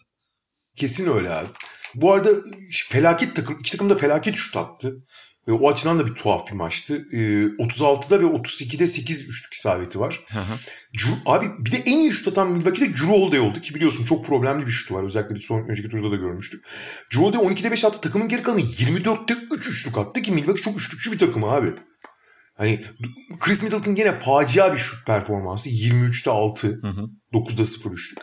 Ama ilk maçtır olur deyip geçelim ama yani e, Atlanta'nın abi buraya geldik bize yeter falan havasında oynamayacağı, kolay kolay teslim olmayacağını biliyoruz. Ama maalesef abi onlar da çok problemli. Yani şimdi zaten DeAndre Hunter yok. Cam Reddish yok. DeAndre Hunter çok önemliydi bence onlar için kanat savunması anlamında. O yok. Cam Reddish yok. Şimdi Bogdanovic de pek oynayabilecek gibi gözükmüyordu abi. Maça başladı yanından vızır vızır geçiyorlar. Belli ki rahat et, hissetmiyor. Zaten 27 dakika kendini çok zorladı oynadı. 6'da 1 ile 4 sayıyla çıktı abi ki Bogdanovic özellikle Trey Young'a yardım geldiği zaman en önemli ikinci karar verici ve bitirici oluyor. Şöyle bir şey var yalnız. Serinin devamında Milwaukee bu switch savunmasına daha erken geçerse Atlanta'nın delicisi yok abi. Yani Cameron Payne gibi oyuncuların yoksa iyi delicilerin yoksa switch yapan savunmaya çok az şey üretebilirsin abi. Çok zorlanırsın yani. Ki yani bu defa geçecektir Milwaukee. Onu tahmin edebiliriz. İnşallah Çünkü ben Bad hocama güvenemiyorum. Ben de çok güvenemiyorum da yani çok bazı şeyleri çok keskin gördükten sonra artık oradan da dönmüyor yani. Yani e, çok böyle fahiş hatalar yapıyor. Ama en azından keskin biçimde görmek, net böyle maç kaybettirir halde görmek de bir sonraki e, maçta düzeltmesini de sağlayabiliyor. Yani burada mesela son periyotta kurtaramadı. E, Kurtaracak noktaya da getirmişti. O Trae Young'a 4-5 dakika kala bandında yaptıkları iki tane faal var abi. Çok aptalca. Bir tanesi Antetokounmpo'nun elini indirdiği pozisyon. Saçma sapan. Üçlüye gönder, üç serbest atışa gönderdi. Bir de Chris Middleton'ın arkadan elini sokup falan yaptığı bir faal vardı. Kanıtının blokladığı pozisyon diyorsun. Ha ha. Yani onları falan yapmasalar mesela oralarda rahat durabilseler Trey Young'ı çizgiye yollamasalar muhtemelen alırlardı. Kaldı ki hala mesela iki buçuk dakika kala şey vardı ya Antetokounmpo 2'de 0 attı. Hücum pardon basket faulün ardından serbest atışı kaçırdı. Hücum reboundunu aldılar sonra Drew Holiday'ine attı bir tane. 5 sayı olmuştu. Yani orada tamamen ivmelenmişti Milwaukee. Yine alabilirlerdi dolayısıyla. E, fakat kaybettiler ve şey artık hani son çeyrekte neyle maçı çevirdiğini, neyle rakibin musluğunu kestiğini görmüştür Mike Budenholzer. Bakalım göreceğiz. Bu arada son olarak da şeyi söyleyelim. Phoenix'te Chris Paul bugün dönüyor Evet. ama Kawhi çok büyük ihtimalle oynamayacak. Ee, O serinin e, dengesi iyiden iyiye bozuluyor gibi gözüküyor. Evet bugün hani e, gayri resmi şey maçı Clippers açısından kazan ya da elen maçı. Ve yani Chris Paul iki tane negatif testi vermiş. E, kardiyo e, testini de geçmiş. Şu anda oynayacak gözüküyor. Yani herhangi bir terslik olmadığı sürece. Hı hı. Chris Paul bu arada Los Angeles'taydı değil mi? Yani tabii, tabii, Los, Angeles'taki evinde karantinaya Aynen. girmişti zaten. Aynen. Ben abi üçüncü maçı direkt oradan bağlanırım demiştim. Phoenix Los Angeles yakın zaten ya. Olsun o hiç yani şey abi. Ben abi evden geçerim. Şey, siz araç göndermeyin abi kendim. Alınamıyor. Alınamıyor. Peki o zaman bugünlük bu kadar diyoruz. Media Markt'ın destekleriyle yayınladığımız Podcast'te haftaya tekrar görüşmek üzere. Hoşçakalın. Hoşçakalın. Mediamarkt Podcast'i sundu.